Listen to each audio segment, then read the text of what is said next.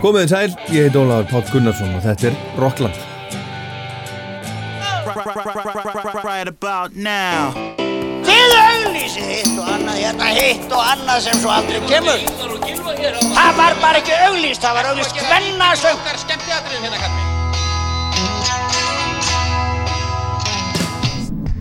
Hvað gerir kvöld? Kíkja á tónleikana? Ekki?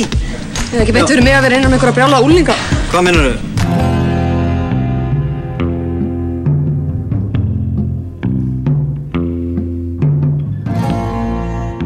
Það er liðin 25 ár frá því einn merkasta plata Britpopsins kom út. Ég er að tala um fyrstu blödu villingarna og verkamannasonnana frá Manchester, Oasis, platan Definitely Maybe. Ég ætla að tala svolítið um hana í þættunum í dag, gefa henni góðan tíma, gott plás og spila nokkuð mörg lög af henni. Þetta er merkileg plata og góð, þótti mörgum þegar hún kom út og það hefur ekkert breyst. Við heyrum líka nýja músík frá Elbow, First Aid Kit, Sturgill Simpson, Catfish and the Bottleman, Chrissy Hind og Big Thief til dæmis. En byrjum á Robbie Robertson.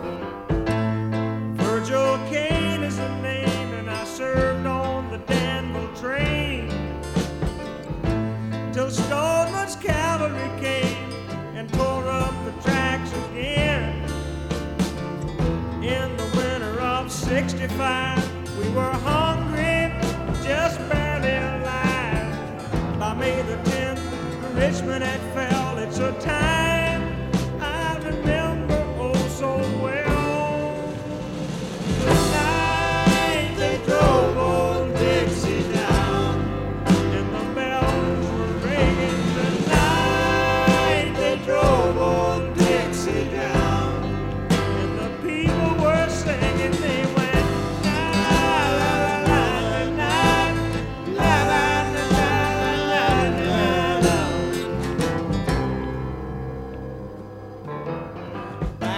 Þetta er hljómsveitin The Band eins og hún hljómaði á hátindi ferilsins árið 1969. Þetta lag er tekið af annari stóri plötunni þeirra, The Band.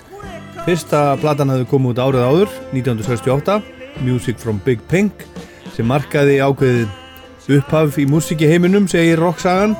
Þar var öllu blanda saman, sem ekki hafi verið blanda saman áður svo mikið. Þetta var rock og country og gospel og margt fleira.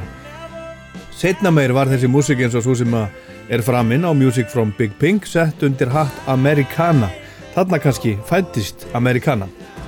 Þegar leið á, á uh, sjö tuginn fór að rikta í stóðum hljómsveitarinnar á ymsum ástæðum og á þakkargjörðadagi 1976 held The Band sína síðustu tónleika undir yfirskriftinni The Last Waltz, síðasti valsinn. Og það var heldur betur gert með heljarinnar glæsi brag, tónleikandir stóðu yfir í næstum tíu klukkutíma, það var borðaður kalkút með tilherandi í hlénu og með bandinu spiluðu vinir þeirra, samstagsmenn og átrúnaða góð, Neil Young, Bob Dylan, Eric Clapton, Ronnie Hawkins, Joni Mitchell, Stable Singers, Dr. John, Van Morrison, Neil Diamond og fleiri og fleiri.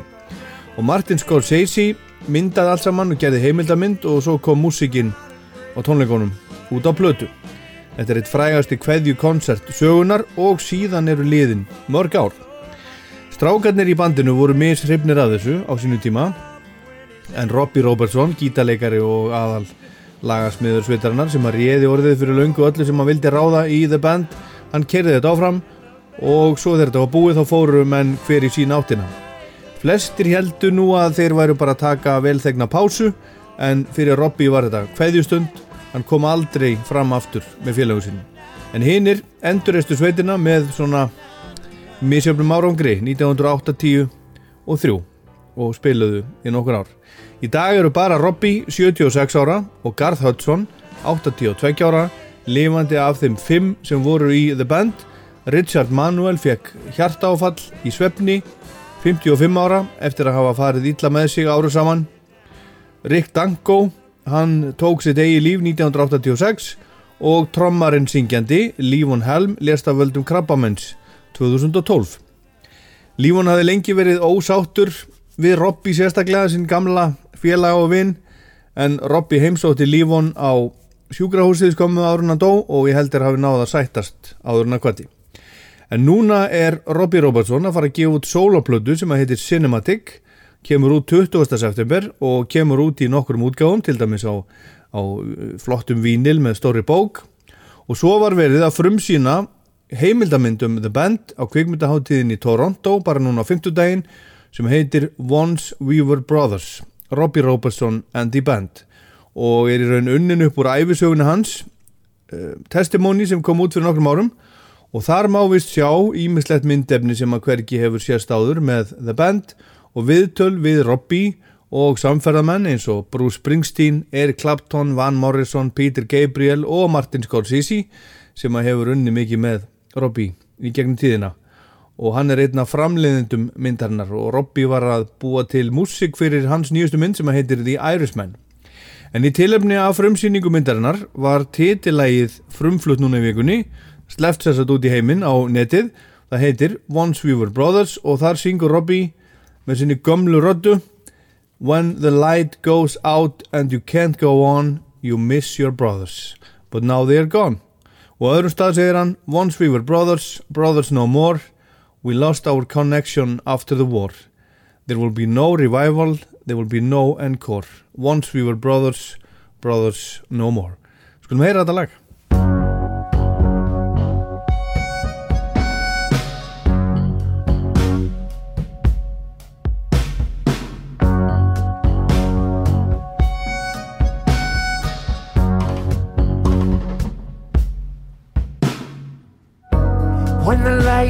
out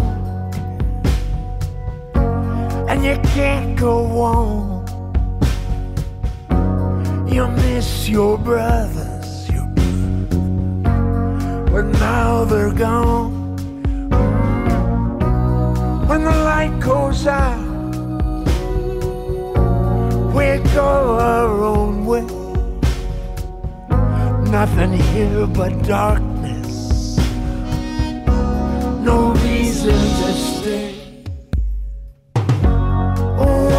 we're brothers,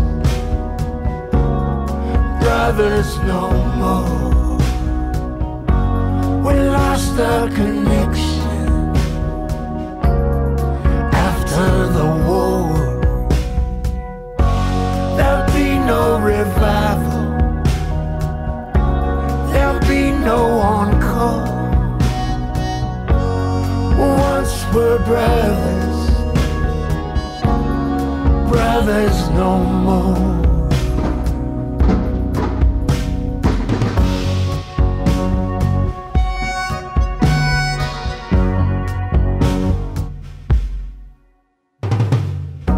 When the curtain comes down, we let go of the past. Tomorrow's another day. Some things weren't meant to last. Curtain comes down on the final act, and you know, you know deep inside, there's no going back. Once were brothers brothers no more. We lost our way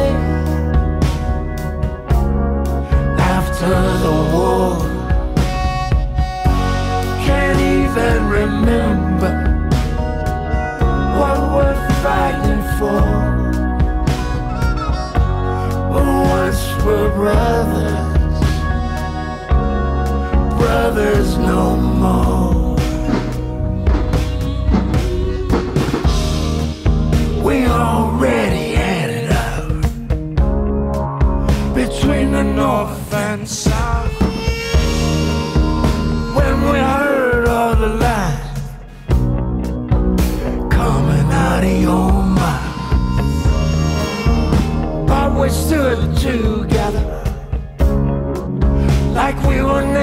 of kin. And when the band played Dixie. They came marching in. Once were brothers, brothers no more. We lost our connection after the war. no revival. There'll be no encore.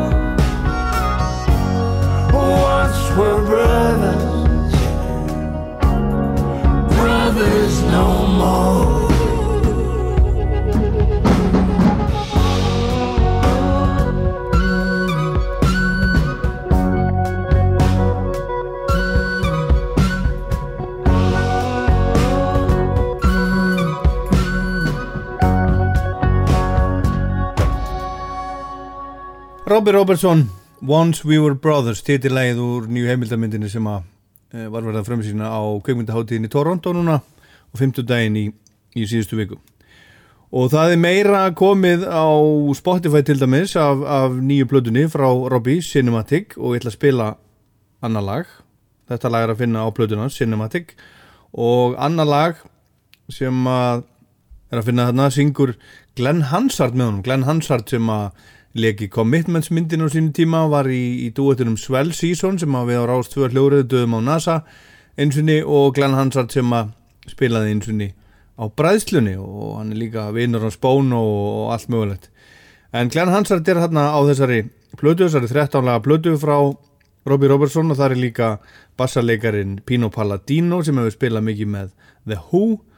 Þarna er hljómbúsleikari sem heitir Martin Pradler trommari sem heitir Chris Dave, gítarleikari sem heitir Avi Jurvanen og svo syngja þarna með honum, eða eru með honum gestir, Van Morrison, Jim Keltner Derek Trucks Citizen Cope, Jay-Z Ondara Laura Satterfield Doyle Bramhall, Annar Fredrik Jónett og Howie B. Og við skulum heyra hérna lægi sem að Robbie og Glenn Hansard syngja saman, það heitir Let Love Rain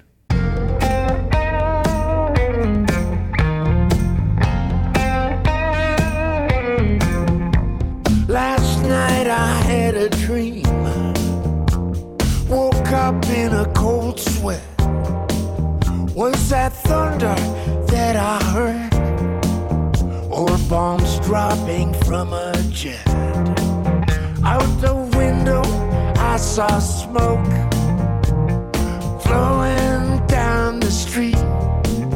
All that's left was graffiti buildings warped from the heat. Was this just a nightmare? Or maybe a warning sign? Let love rain. Let love rain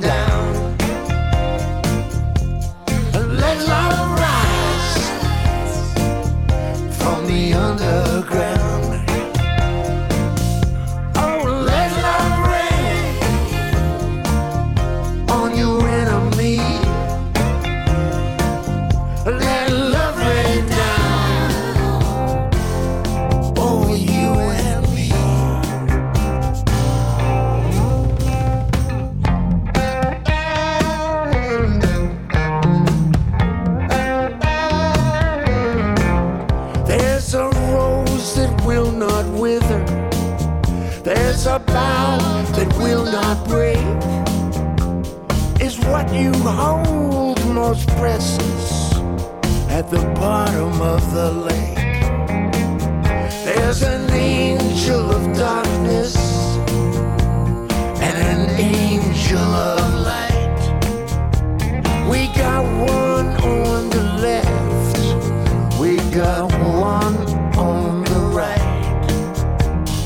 the light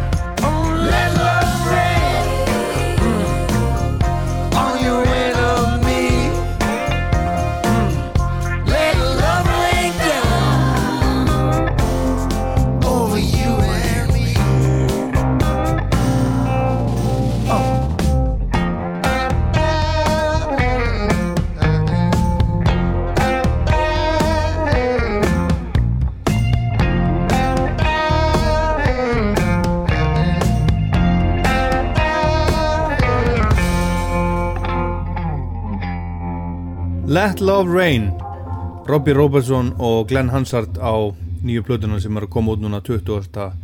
september og heitir Cinematic Og meira hérna en við förum í, í Oasis, ég ætla að spila eitt lag til viðbútar en við förum í, í Definitely Maybe með Oasis og það er lag af nýri plötu frá Chrissy Hind.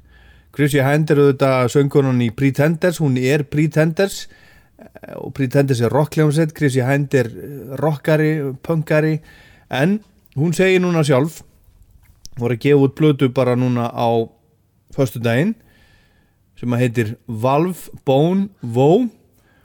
Og uh, þetta er svona þetta er svona hálgerð jazzplata, hún segir ég er búin að vera alla tíð í rockmusik og svo leiðis en ég hef alltaf haft svolítið gaman að jazzi og það er ekki síst bróður mínum að kenna sem er, er jazz tónlistamæður og hún er þarna að syngja lög á þessari blödu sem að hafa verið annarkoð sungin eða samin af fólki eins og Brian Wilson, Frank Sinatra, Hoagy Carmichael, John Coltrane, Nick Drake, Ray Davis og Rodgers og Hammerstein og þetta er svona einhvers konar jazz skotin plata og hún verður að spila núna 14. september í Hyde Park það eru tónleikar sem eru hluti af því sem að BBC stendur fyrir og heitir BBC Proms Proms in the Park, Hyde Park 14. september og hún tók þessa plötu upp þessa nýju plötu sína Valve Bone Woe með Valve Bone Woe Ensemble í Air Studios í London og hérna er gammal lag sem að hún flytur með sinni rödd á sinn hátt á þessa nýju plötu sem að heitir How Glad I Am og þetta var flutt uppáflega kom út árið 1964 með Nancy Wilson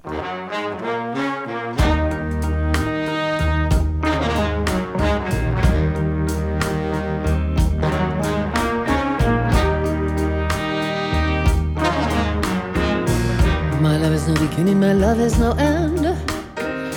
No front or back, my love won't bend. I'm in the middle, lost Love and you.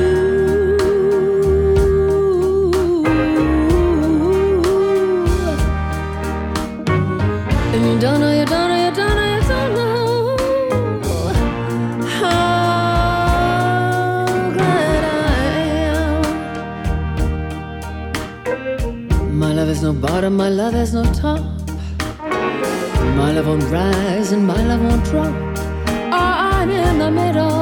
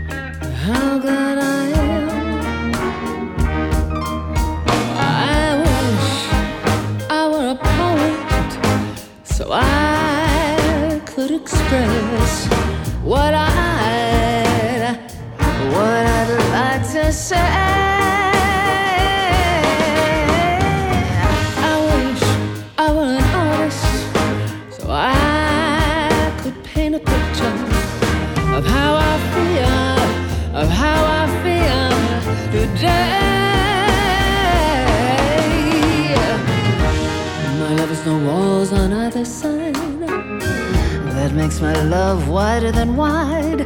Ah, I'm in the middle,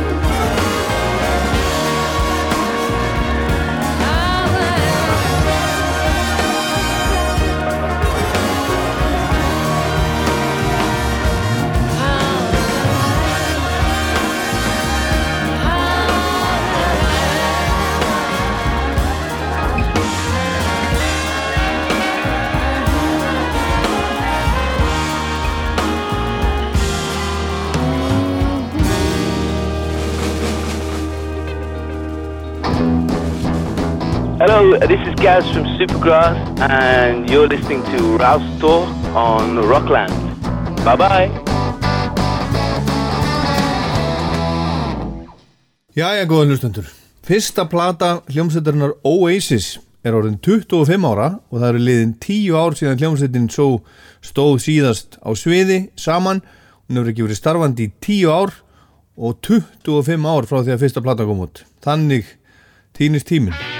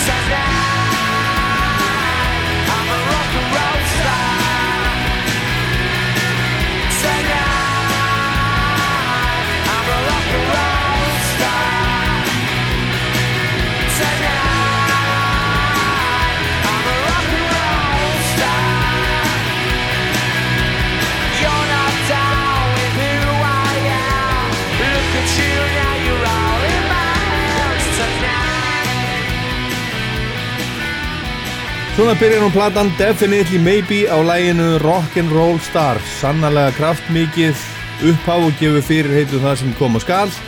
Þetta er rock'n'roll, þetta er rockplata mikil, hávær, gítararnir eru háværir og stórir en samt ekki þannig að, að söngurinn drukni, textin heyrist vel. I live my life in the city. There's no easy way out. Tonight I'm a rock'n'roll star. Þetta eru gödustrákar, lágstjættagaurar, verkamannasinnir frá Manchester en staðræðanir í því að komast út úr fátæktinni og leiðindunum í, í útkverfinu í Manchester er alla meika það, hvað sem það kostar. Og það áttu þér heldur betur eftir að gera og það hratt og öruglega, þetta kom út 1994 sem er árið sem, sem Britpopið eiginlega blómstræði. Reyndar má reykja Britpop, það sem að kalla Britpop, lengra tilbaka en 1994 er árið sem allt gerðist og þeir sem að skipuðu sér í sveit framvarða þeirra bylgju gáf út sínar mikilvægustu plötur. Blur gaf út plötuna Parklife sem er þeirra þriðja plata og var með henni vinsalasta hljómsveitin í Breitlandi og Oasis gaf út Definitely Maybe. Og 1994 er árið sem hugtæki Britpop var til um músiksennuna í Breitlandi þá. Árin og undan höfðu einkennst af, af áhrifum frá bandaríkjónum, gruggrokki Nirvana og tengdra sveita og í Breitlandi á því sem var kallað shoegaze. En það nafn kom til á því að hljómsveitirnar sem að voru svona fyrirfæðamestrar þar þóttu horfa full mikið á skóna sína þegar það voru upp á sviði að spila rocki sitt. Rokkandi, gapandi á fætur sér í klæta ímiðskonar strygaskóm. Og breytanir ungu með gítarannir sína saminuðust einhvern veginn um það að gera sína nýju músík á sínum eigin fórstendum, ekki fórstendum amerísks gruggrocks. Og það má segja að fyrsta Britpop-platan sé fyrsta plata hljómsveitarinnar Suede sem kom út 1992 og fyrsta smáskífa Suede markaði líka í sögulegu samengi ákveðið upphaf.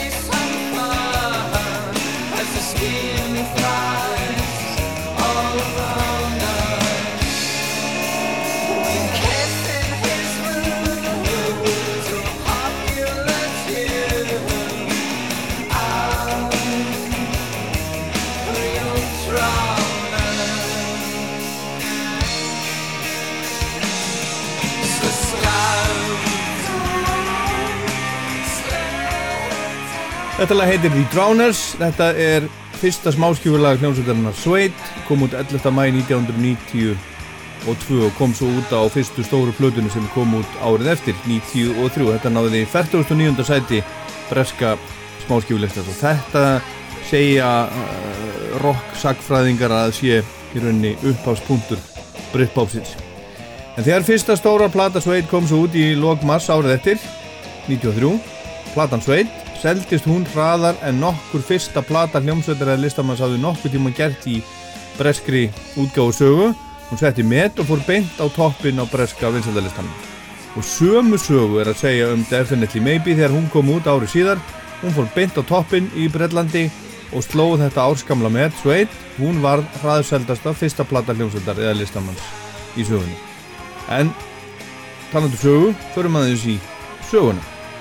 Árið 1990 var til hljómsveit í Manchester á Breitlandi skipu fjórum ungumannum og var kölluð Rain eftir bítlalægin þessu hérna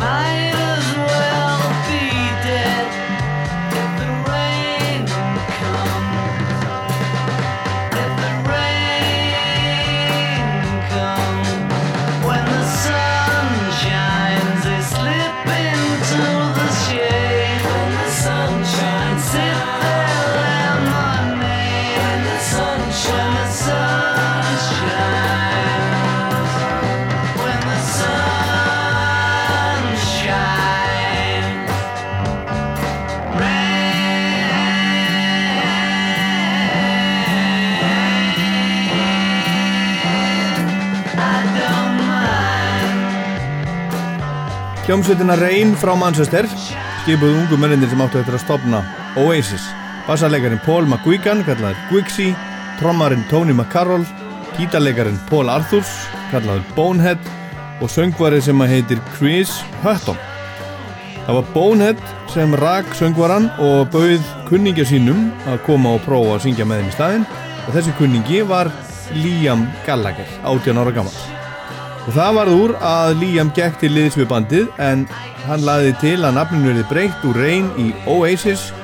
En svo hugmynd kom frá frá túrplakati Manchester hljómsveiturinnar Inspiral Carpet sem að hjekku upp á vegg í herbergi þeirra Gallagher bræðra, Hans og Noels stóra bróðu, þeir voru áttu, saman herbergi.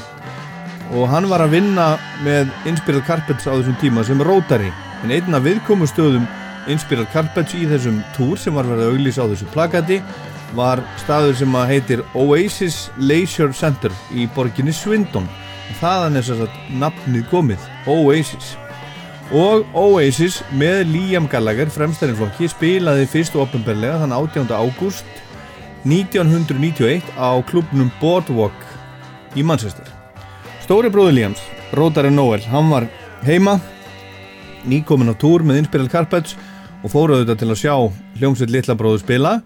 Vann nú ekkert yfir sér hefin en byrjaði samt þarna að veltaði fyrir sér hvort þetta væri kannski rétti vettvangurinn fyrir sig og lögin sem hann var búin að vera semja árin og undan átti slatt á lögum hvort að þetta væri eh, kannski málið þannig að þetta er einn að, bara ganga til liðs við þessa stráka, hann var ekki með hennar hljómsveit. Oasis vakti strax smá aðtigli áður en Noel gekk til liðs við sveitina en þeir áttu bara fjögur lög til að spila Noel fór á endanum til strákana og bauð þeim að ganga í bandið með öll sín lög en hann setti skilirði þeir myndu engungu spila lögin hans og hann er í fóringin, hljómsveitastjórin hann myndi ráða. Og þeir ákvaða að fallast á þetta og eitt af því sem að þeir fjallust á var að, Noel sagði þeim hinn um hvað og hvernig þeir átt að spila. Áttu allir að þjóna læginu, lögunum. Hans spila bara einfalt en svolítið hátt hann var solo gítarleikarin í bandinu og hinn er átt að styðja við það sem hann gerði og þannig má segja að Oasis soundið hafi orðið til Við tókum nokkuð stífar æfingar og, og tónleikar við og við. Þeir spilum við öll möguleg tækifæri þegar þeir fengu tækifæri til og, og, og tóku líka upp demo. En þeir þurftu ekki að býða svo lengi eftir því að verða aukvöldaðir. Sá sem aukvöldaði þá var Alan nokkur Maggi, eigandi lítils blötufyrirtækis e, sem að hétt Creation í Glasgow.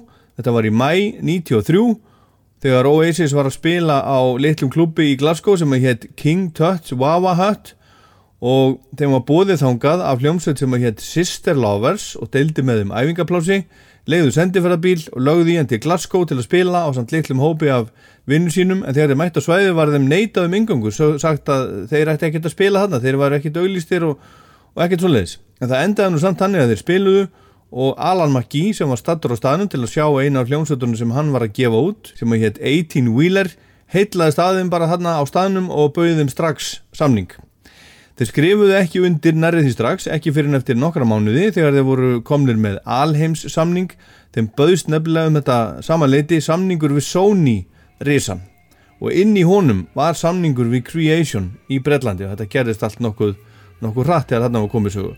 Og fyrsta lag Oasis sem sleftar út í heiminn var þetta hérna, heitir Columbia.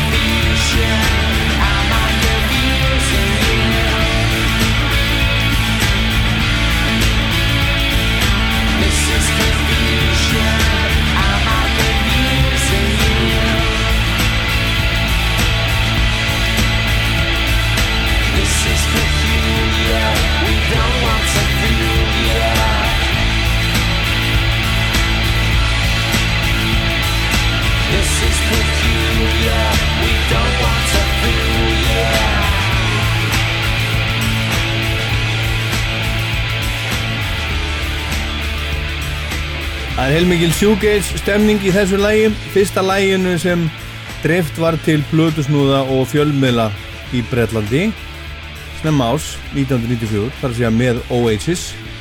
94 frekarinn steint 93 og vorið 94 var skipulaður túr um Breitland í tilefni að útgáfa fyrstu alvöru smáskífu hljómsveitarinnar sem er ekkert smá lag Supersonic I need to be myself I can't be no one else I'm feeling supersonic Give me gin and tonic You can have it all But how much do you want it?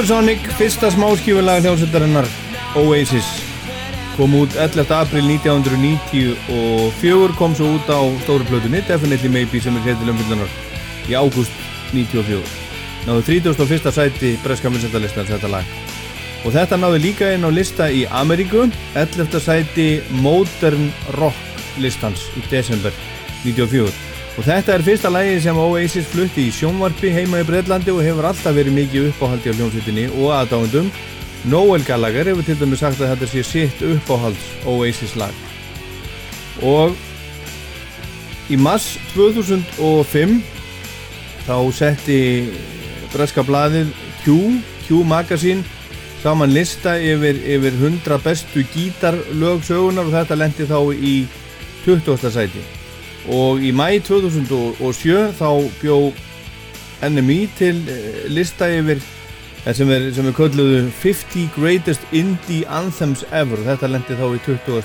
og 5. sæti En svo kom næsta smáskif út, hún náði herra á vinsaldalistanum í 11. sæti, kom út 13. júni 94 og hljómsveitin flutti það svo í Top of the Pop hjá B.I.B.C. Þetta heitir Shaker Maker.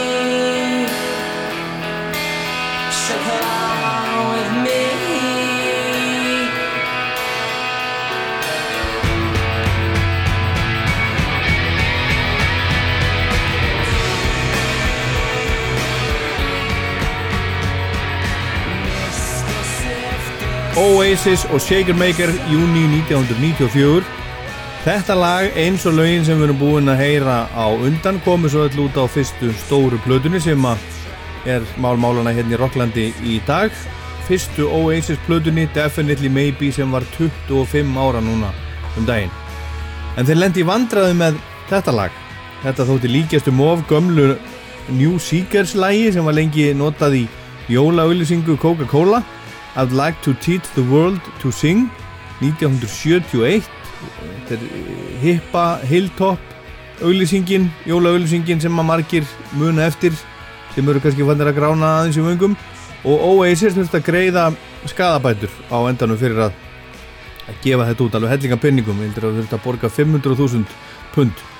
En tveimur árum setna þegar Oasis var á hátindi fyrirlsins var til Oasis Tribute eða eftirhermuband sem kallaði sig No Oasis No Oasis og svo hljóðum sem tóku upp í Oasis Shaker Maker stílnum sína útgáfu af læginu I'd like to teach the world to sing og gaf það út. Og það náði inn á top 30 á breska vinsaldalistanum og kom No Oasis í Top of the Pops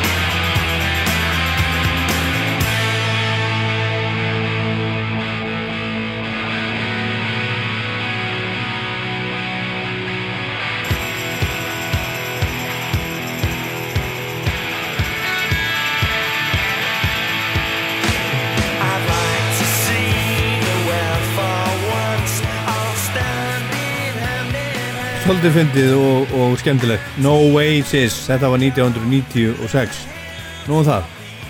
Áfram Hjælt Oasis þarna vorið 1994 að undirbúa jarðveginn fyrir útgáfu fyrstu stóru plötunar og þriðja smáskífulagið kom sveitinni í tíundarsæti breska listans. Lagið heitir Live Forever og Noel Gallagher samtið árið 1991 þegar hann var að vinna í byggingavinnu heima í Manchester og eitt kvöldið var hann að hlusta á Exile on Main Street með Rolling Stones og leika sér með gítarin á meðan var að hlusta á lagið Shine a Light þar sem að Jagger syngur May the good Lord shine a light on you. Og hann tók þessa melodíu inn í það sem hann var að smíða og úrvarð uppháslína Live Forever Maybe I don't really wanna know. Og svo fram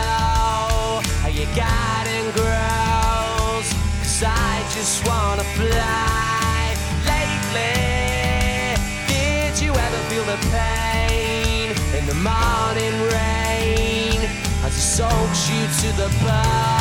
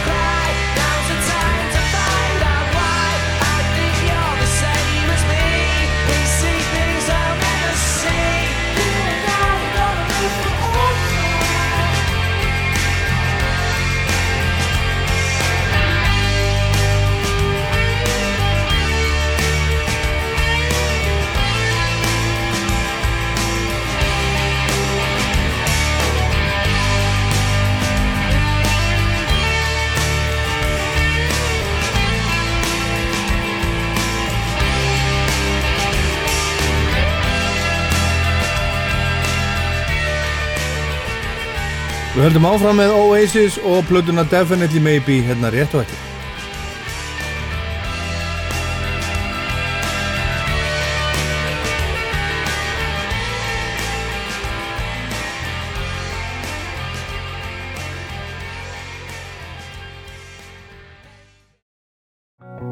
Hi, this is Dave. Hi, this is Taylor. And we're from the Foo Fighters. We're coming to rock you All the time. every day, Every night. every weekend, Once a month. on Christmas. Holidays too. Happy Thanksgiving. Have a great birthday. Goodbye. See ya.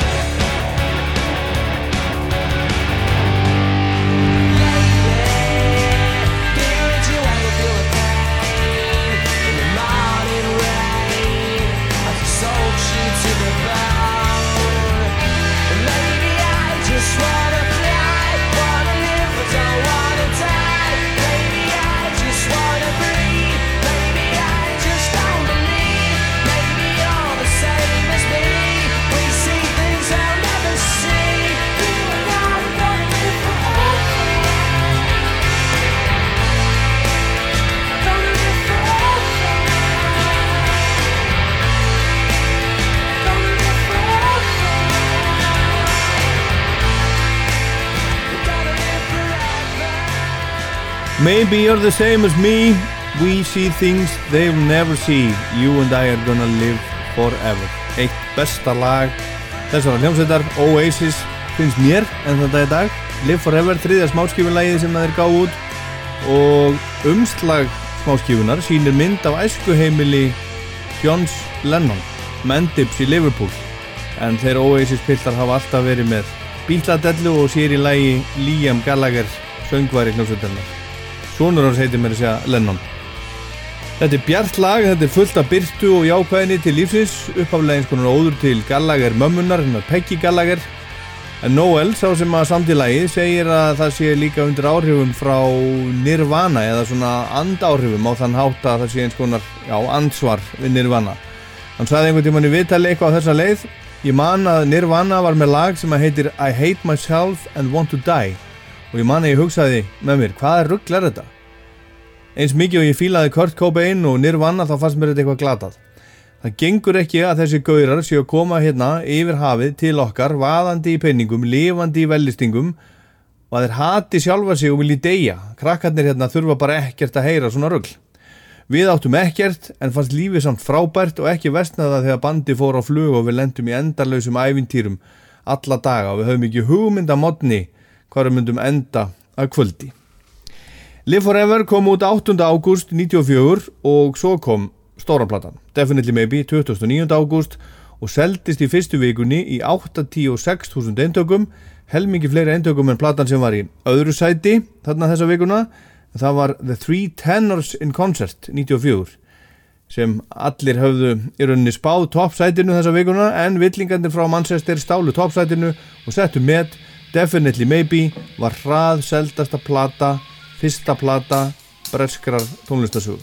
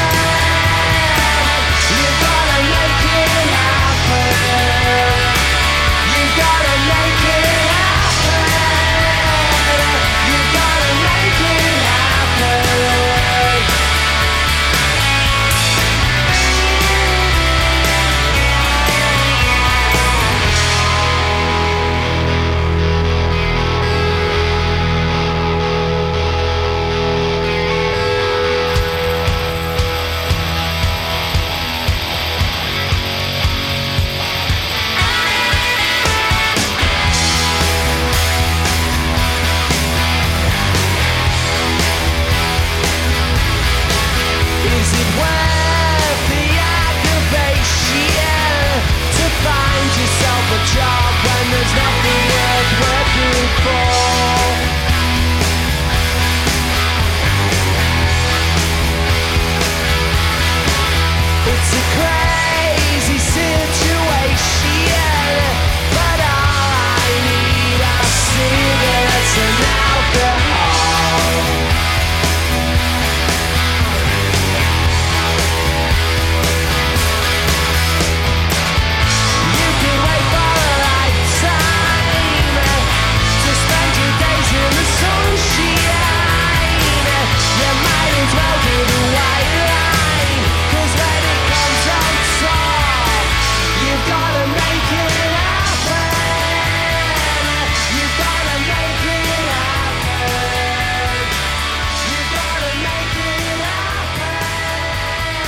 Is it my imagination or have I finally found something worth living for? I was looking for some action but all I found was cigarettes and alcohol. Menn er ekkert að ekkert feimnir við að fá að lána þetta er eins og, eins og Johnny Rotten sem er að syngja með T-Rex Cigarettes and alcohol heiti lægið og þetta náði sjönda sæti breska vinsaldalistan þegar þetta kom út fjóraða smáskífa Oasis kom út 10. oktober 94 og þarna var allt á uppleið Oasis hafði aldrei komist herra á smáskífulistanum en þetta í sjönda sæti Mér þætti ólíklegt að lagan svo þetta kæmist inn á vinsaldalista í dag en maður veit svo sem aldrei. Það er svo langt síðan en samt eitthvað svo stutt.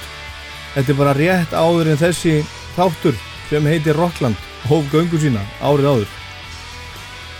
Og það er eitthvað hrátt og, og svolítið barslegt við þessa fyrstu plötu Oasis en strax eftir að hún kom út var það allt vittlegt reynlega. Fjölmiðlarnir í Breitlandi tóku þessa stráka upp á arma sína, sögu í sig hvert einasta orð sem þau sögðu, sögðu frá öllu sem þeir gerðu og ekki síst slúðurpressan, hún var á eftir þeim alla, alla daga og alla nætur. Þetta voru litriki strákar, lágstjætta prinsar að norðan frá Manchester, strákar sem hafðu unnið í byggingavinnu og hafðu aldrei komið inn í listaskóla eins og þeir hafðu gert til dæmis strákarnir í blör sem hafðu fljótlega þeirra höfuð anstæðingar og óvinnir reynlega.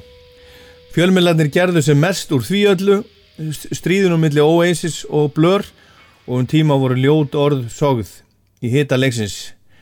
Þessum leik sem byrjaði bara sem heilbrið samkjöfni milli listaskólastrákana frá London og verkamannssonana norðan.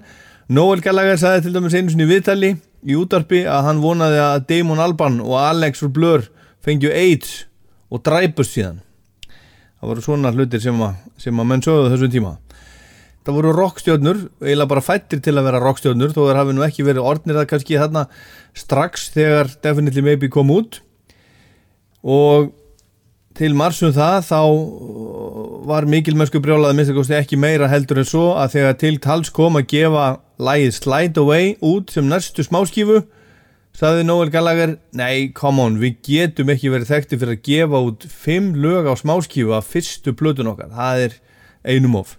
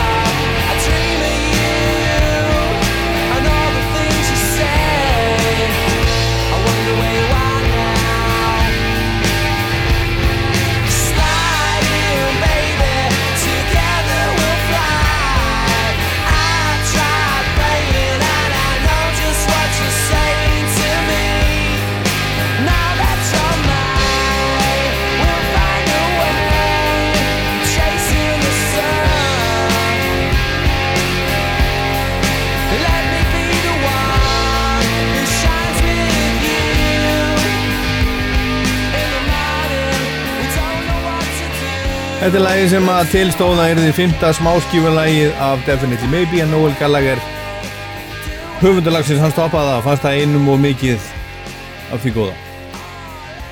En þegar índir í þessa músík þá er ekki erfitt að bera kennsla á DNA-ið í músíkinni. Maður heyrir vel hvaðan þetta kemur þannig eru áhrifavaldarnir bara berir, þetta eru Beatlarnir og Rolling Stones og, og Slade sem var mikið uppáhald hjá Noel Gallagher þegar hann var strákur hann er fættur 1967 og í norður Englandi þar sem Slade voru bara kongar um stund þegar hann var lítill strákur. En það eru líka áhrifarna frá Smiths og Stone Roses í þessari músík, sérinlega á þessari plötu þarna voru þeir ekki komnir alveg á, á, eins mikið á kafi í bítladelluna og þeir gerðu setna en þrátt fyrir þetta sé svona þá hljómaði þetta mjög nýtt á sínum tíma, það má ekki gleyma því. Þetta var sjóð heitt, töff, nýtt og eitt af því sem að heitlaði við þessa stráka var, var kannski barstlegur rókin í þeim, sjálfsöryggið og sérstökun skemmtileg sviðsframkoman. Þeir sögðu alltaf að þeir varu rock og roll band ekki skemmtikraftar, þeir varu ekki komni til þess að skemmta heldur til að spila rock and roll en fólk mátt alveg syngja með. Og svo stóðu þeir bara eins og stittur á sviðinu og spiluðu sína músík. Oasis er, er svo sveit Britpopsin sem vakti hvað mest aðtegli í Ameríku líka. Hljómsveitin vakti strax aðtegli þar þó svo að Definitely Maybe hafi ekki náð herra á vinsaldalistanum í bandarækjunum en í 58. sæti. Og enn þann dag í dag eru lög Oasis líklegust til að heyrast í Ameríku af öllu sem að flokkast undir Britpop, allir trúbátorar heims kunna Wonderwall og Don't Look Back in Anger sem eru reyndar af næstu blödu annari stóru blödu Oasis What's the Story Morning Glory sem kom út árið eftir 1995 og það er önnu saga sem verður kannski sögð síðar. Ég vil ekki að við verðum of stórir sagði Noel Gallagher í viðtali við svona aðdáendaritt fansín cirka tveimur mánuðum áður en Definitely Maybe kom út á tónleikadag þar sem þeir voru að fara að spila á 400 manna stað í Brighton East Wings í Brighton. Ég myndi fíla að spila á Wembley Stadium en hvert fer maður eiginlega eftir það hann var ekki bara tilbúin að, að spila á Wembley Stadium stærsta tónleikastað Bretlands heldur var hann eiginlega búin að því í huganum. Það var bara tímaspösmál hvernig það myndi gerast í hans huga og hann var eiginlega farin að hugsa hvað svo eftir það. Og hann sagði líka ég átti ekki vonaði að vera komin hingað sem veru kominir núna fyrir en eftir svona tvö ár. Og það fyrir halvpartin í tögarnar á mér hvað þetta hefur gæst allt saman rætt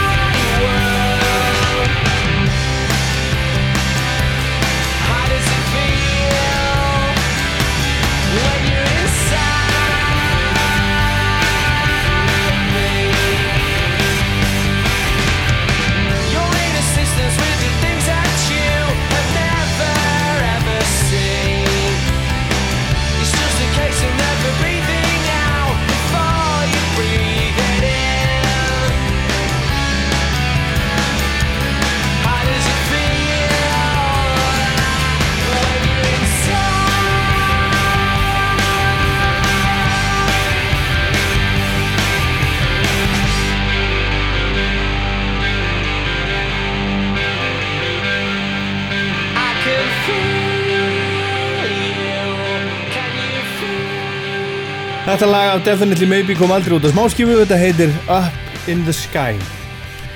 Þessi strákar sem að gerðu þessa ungæðislegu blödu voru, hvað ég var að segja, getur við sagt að það hafa verið hálfgerði lúserar frá Burn Age, óspennandi útkverfi í Manchester sem Noel Gallagher sagði eða líst einu sinni sem skýta pleysið þar sem allt getur gerst. Það er einn pub, það er einn hóra og einn veðmangari. Þessi stráka voru sínir verkafólks sem hafi komið frá Írlandi, flestir. Eh, Þeir eru þekkt að vera á bótum eða vinna í skítavinnu og eittu yfirleitt öllu sem er áttu í síkaretur og áfengi um helgar. Þeir leiður sér ekki einu svona dreyma um, um bjarta framtíð og alls ekki að þeir gætu orðið rockstjörn. Það kom ekki fyrir stráka eins og þá heldur eitthvað allt, allt annað fólk einhvers annar staðar. En þeim tókst þið ómögulega að verða rockstjörnur og þeir voru skærustu rockstjörnu breyta um tíma. Þegar leið á voru þeir rótnir einir eftir í Oasis, bræðunir Gallagher, hinn voru allir hættir, Guixi, Bonehead og Tony, Tony Trommari, hann var reygin bara strax eftir þessa plötu áður en að næsta plata kom út. Og síðustu tíu árin hefur Oasis bara ekki verið starfandi og þeir bræður ekki talast við alla þennan tíma nema gegnum fjölmiðla og, og Twitter með skýtkasti og leiðindum. Það var alltaf spenna á millið þeirra alla tíð og, og Definitely Maybe var bara nýkomin út þegar Liam danglaði tamborinu sinni í hausin á, Noel bróður sinum upp á sviði sem í framhaldinu let sér hverfa og hætti bara raun í hljómsdina og sagðist að ég hættur í farin. Það gerðist á miðju svona showcase gigi á Whiskey a Go-Go klubnum í, í Los Angeles. Noel stormaði sviðinu, let sér hverfaði nokkra daga, koma endanum aftur til félagur sinna og þá búinn að semja þokkalegasta lag sem heitir Talk Tonight undir áhrifum frá þessari uppákomu og hann syngur sjálfur.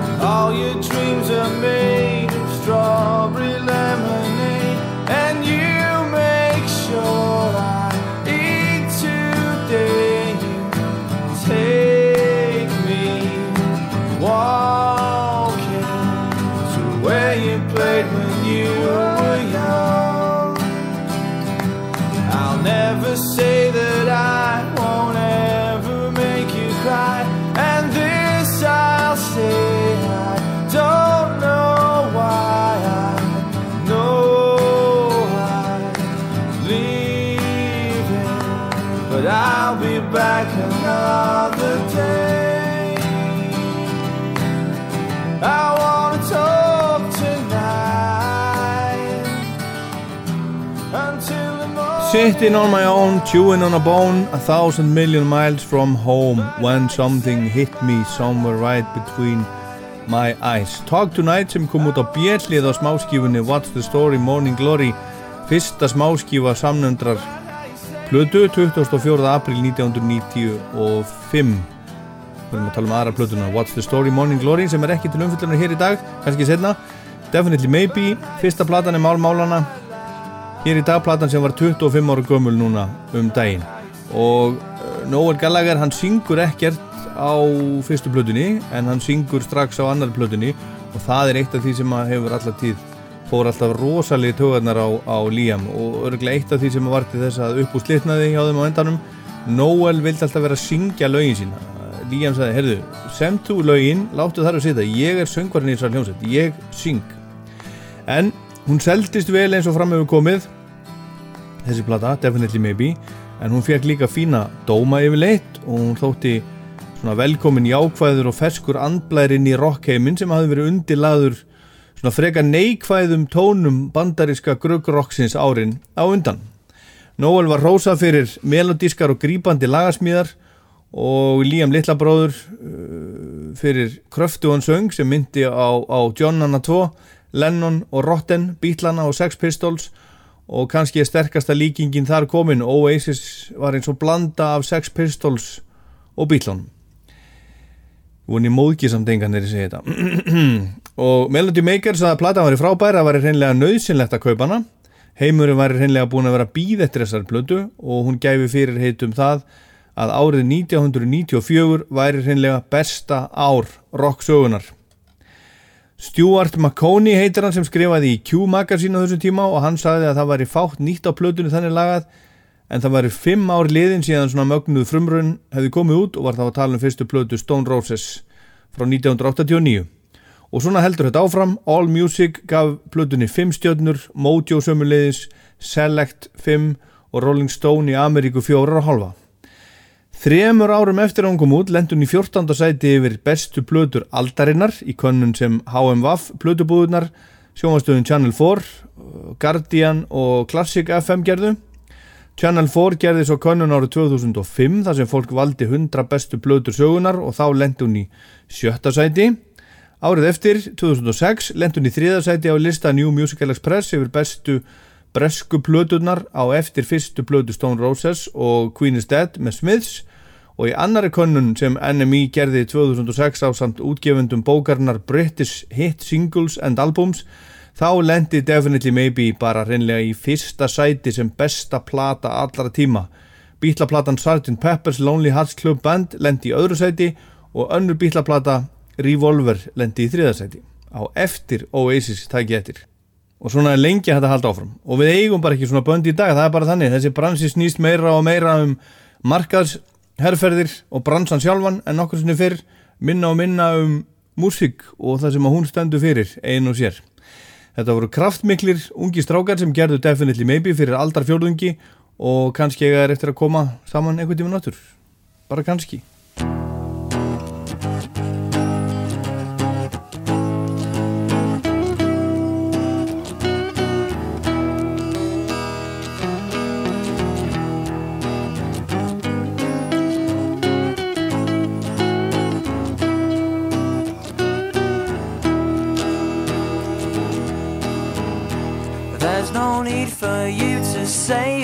sorry. Goodbye, I'm going home. I don't care no more, so don't you worry. Goodbye, I'm going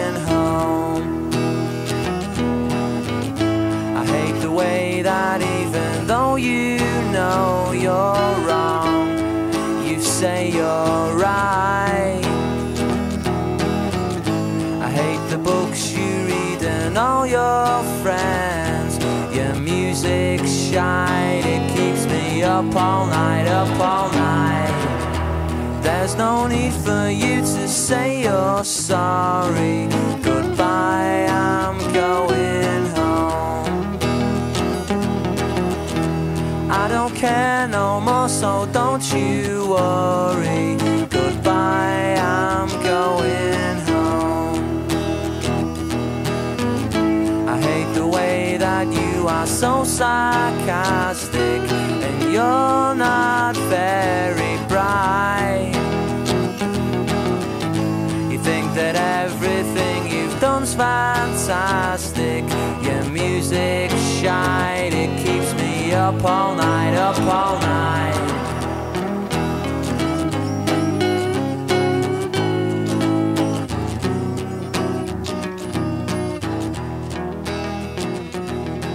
I hate the books you read and all your friends. Your music's shite. It keeps me up all night. Up all night. Þetta er Married with Children af Definitely Maybe, loka lægið á blöðinni. Noel Gallagher er búinn að starfrækja sína eigin hljómsett undanfæran ár. Noel Gallagher's High Flying Birds og er búinn að gefa út þrjár plötur undir því nafni sem allar hafa farið í toppsæti breska vinsættalistans þegar það hafa komið út. Svo nýjasta heitir Who Built the Moon og kom út í november 2017 og Liam stopnaði hljómsveitina BDI eftir að Oasis lagði upp laupan á sínum tíma með öllum strákonum sem voru í Oasis fyrir utan Noel, þetta var rauninni bara Oasis mínus Noel. BDI gaf út tvær plötur og leisti svo upp og svo hefur Liam gefið út eina plötu sólarplötu undir einnafni As You Were kom út 2017 og fór á toppin í Breitlandi og önnur plata kemur út núna 20. september heitir Why Me, Why Not? Ég reikna með að hún fari á toppin og það kom út í sömar frumsýnd heimildamindum Liam sem að heitir As It Was. Þeir voru kongar um stund þessi strákar náungar þessi villingar, flugu hátt, höfðu hátt letu mikið fyrir sér fara og það vissu allir hverju þeir voru. Eitt kunningi minn fór og, og sá Liam Gallagher spila á tónleikum núna fyrir skemstu og kefti sér Liam Gallagher ból eða peysu á tónleikunum með áleiturinni Who the fuck is Liam Gallagher? Það má vel vera staðans í svo að fólk veit ekki hver Liam Gallagher er í dag. Það er meir en líklegt en það vissu allir hver Liam Gallagher var árið 1994 og árið þar og eftir. Allt und fólk meira á minna út um alla Evrópu í það mista. Og árum saman, alveg frá upphafi, enduð þeir alla tónleika á lægi ædolona sinna, Bítlana, þessu skrítna lægi sem heitir I am the Walrus og Bítlandir gaf út 1967 og tónleika upptaka með Oasis af þessu lægi á tónleikum í Glasgow 1994 kom út á Cigarettes and Alcohol smáskjöfunni í oktober 94. Við skulum hveðja Oasis með því, lengi lifi Oasis.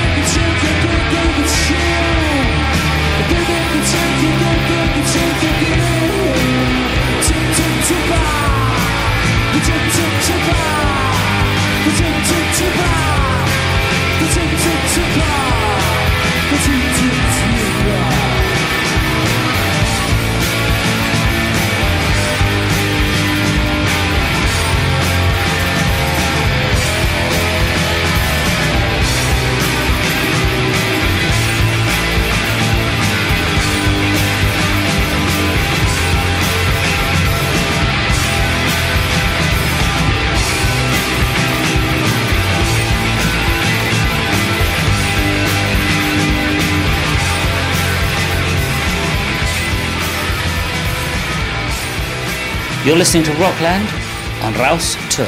This is Jules Holland. Thank you.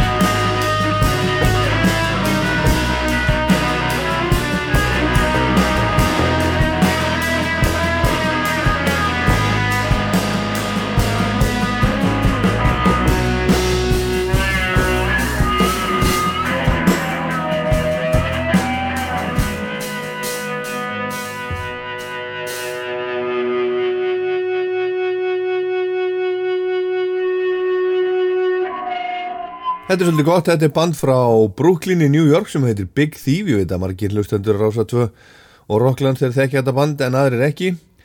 Og uh, þetta lag, þetta er alveg splungu nýtt, þetta bara slapp út á neti núna í vikunni, þetta er að plötu sem að er að koma út sem að á að heita Two Hands.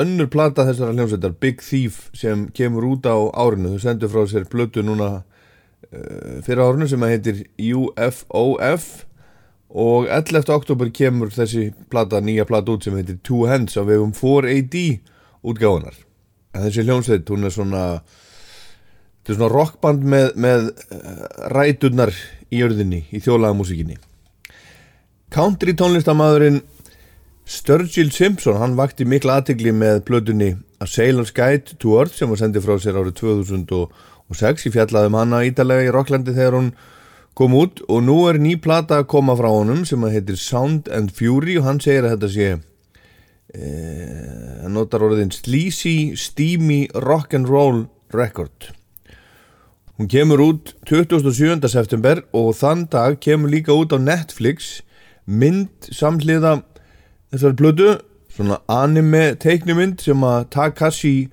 Okazaki sem að gerði myndina Afro Samurai gerði og, og hann og, og kvikmyndagerða maðurinn Junpei Misusaki sem að gerði Batman Ninja. Þess að þetta kom út uh, svona platan myndskreitt á Netflix. En við skulum heyra lagablötunni sem heitir Sing Along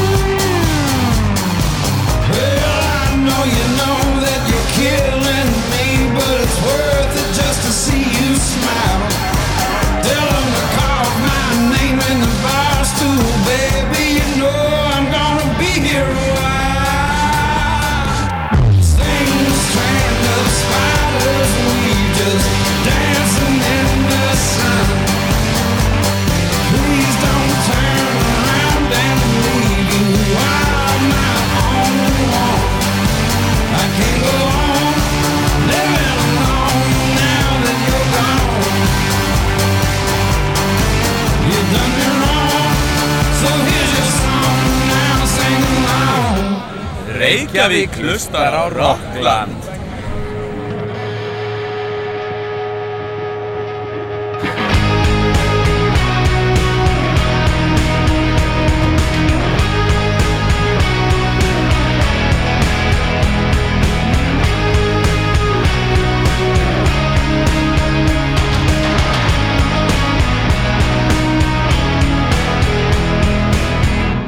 I love to find myself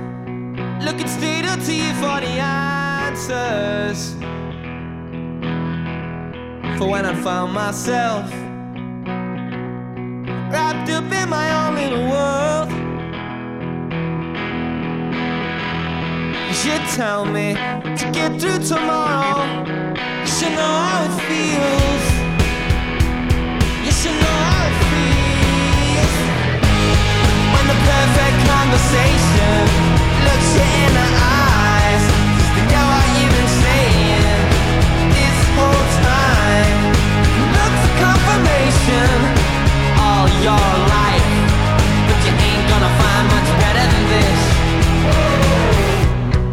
Beside myself and everything like momentum.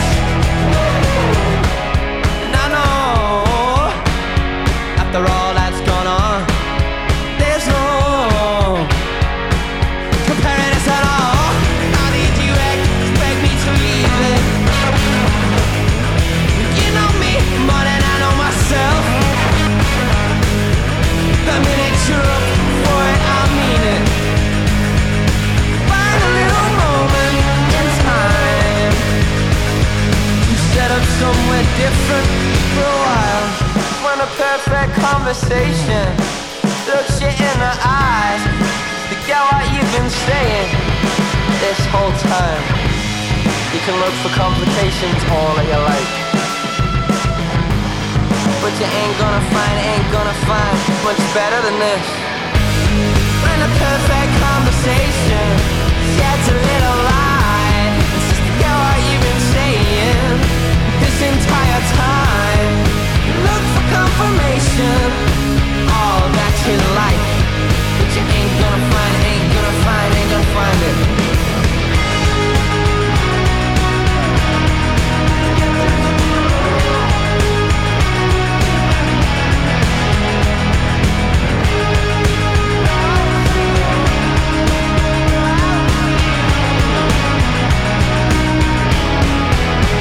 Þetta er hljómsveitin Catfish and the Bottlemen frá Wales og nýjasta nýtt frá þeim. Lægið heitir Conversation og er að finna nýri plötus frá þeim sem að heitir The Balance og er þriðja platan þeirra og allar heita þar eh, The eitthvað, The Balcony heitir fyrsta og önnur The Right og nýja The Balance.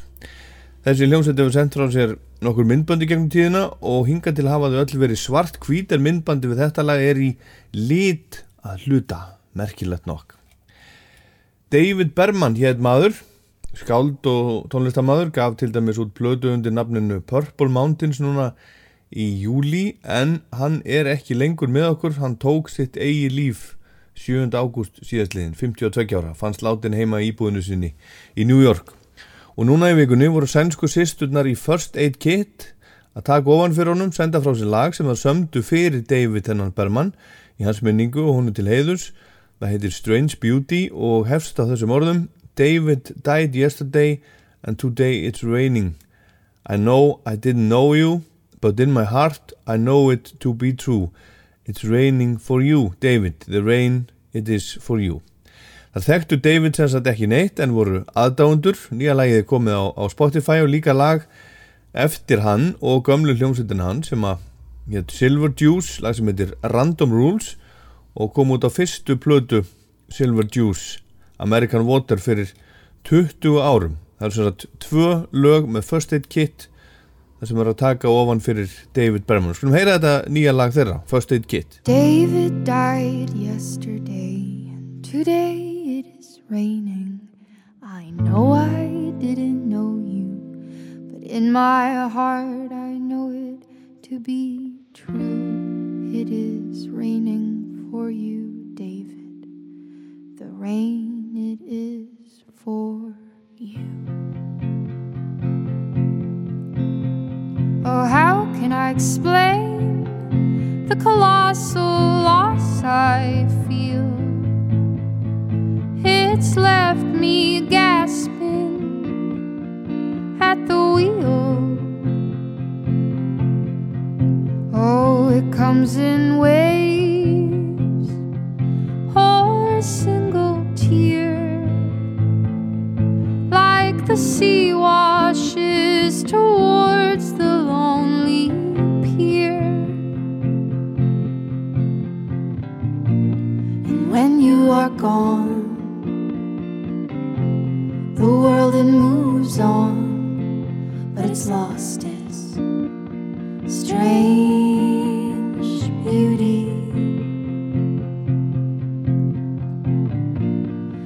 When you are gone, the rest of us have to carry on, but the world has lost its strange